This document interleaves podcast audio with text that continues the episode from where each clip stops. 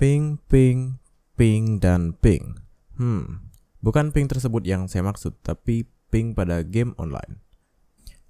Oke, mungkin tidak sedikit kalian telah mengetahui apa itu ping, yaitu sebuah bilangan yang memberikan informasi seberapa baik koneksi dengan mengindikasikan seberapa real time sebuah data diterima. Selesai, dan itulah ping. Wait, what?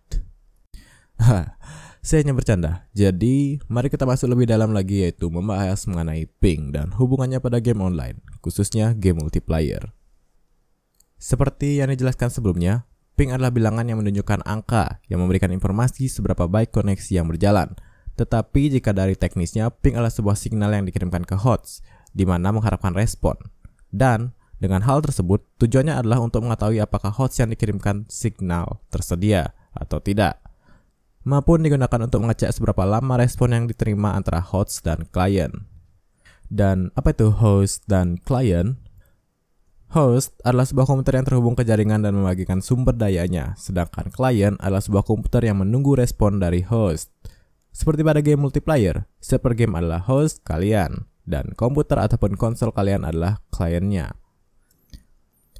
Terkadang pertanyaan ini cukup membingungkan karena ketika kita bermain game multiplayer, kita membagikan data informasi game kita seperti pergerakan, data player, dan data lainnya ke server. Sedangkan server juga memberikan data informasi yang dibutuhkan ke klien. Seperti pergerakan player lain, jadi siapa host dan kliennya? Ah, lupakan saja. Mari kita lanjutkan. Atau kalian bisa jawab dengan pendapat kalian masing-masing di kolom komentar? Oke, lanjut. Mike Moss adalah seorang developer software yang berjasa dalam menemukan utilitas yang bernama Ping, di mana ia menamakannya dari sebuah sonar. Sonar adalah suara yang diterima kembali dari pantulan suara yang dipancarkan. Biasa digunakan untuk mendeteksi sesuatu yang ada di depannya. Apakah semakin dekat atau jauh tergantung waktu pantulan sonar yang diterima. Seperti sebuah kapal selam yang menggunakan sonar dalam mendeteksi sesuatu yang ada di depannya. Dan ping menggunakan satuan millisecond setelah mengukur waktu seberapa lama arus data yang dikirimkan dapat respon. Karena kecepatan arus data internet di dunia sangat cepat. Yap, sangat cepat, bahkan sampai 31% dari kecepatan cahaya. Atau penelitian dari University of Southampton menemukan kecepatan fiber optik yaitu kabel internet hingga 99,7%. Boom. Oke, lanjut. Dalam game multiplayer, ping adalah sesuatu yang tidak kalah penting karena ukuran ping sangat berpengaruh dalam kualitas bermain game seseorang.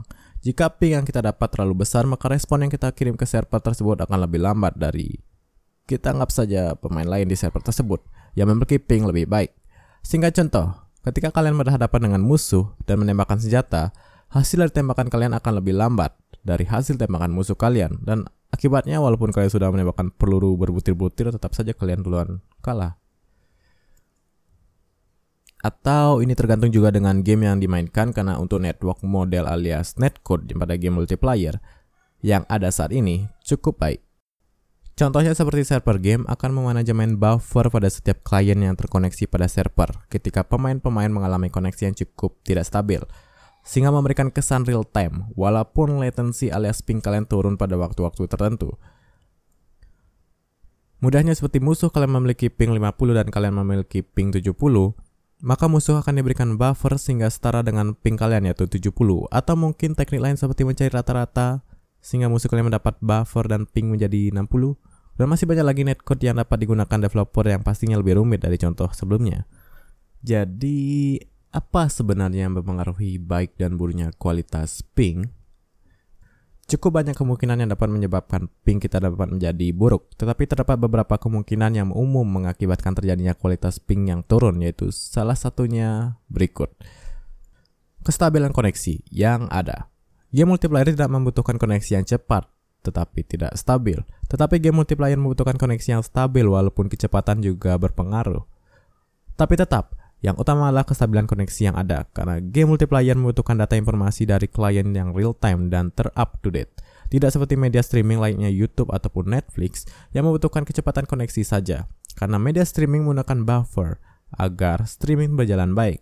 Contohnya, ketika koneksi kalian cepat, ia akan meload data informasi video sebanyak dan sebaik mungkin dalam buffer.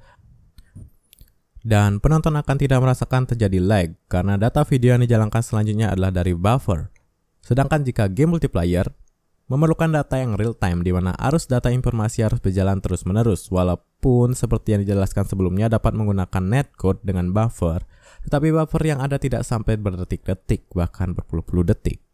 Yang selanjutnya adalah gangguan dari koneksi lain seperti menonton media streaming, browsing atau teman kalian menggunakan koneksi yang ada untuk mendownload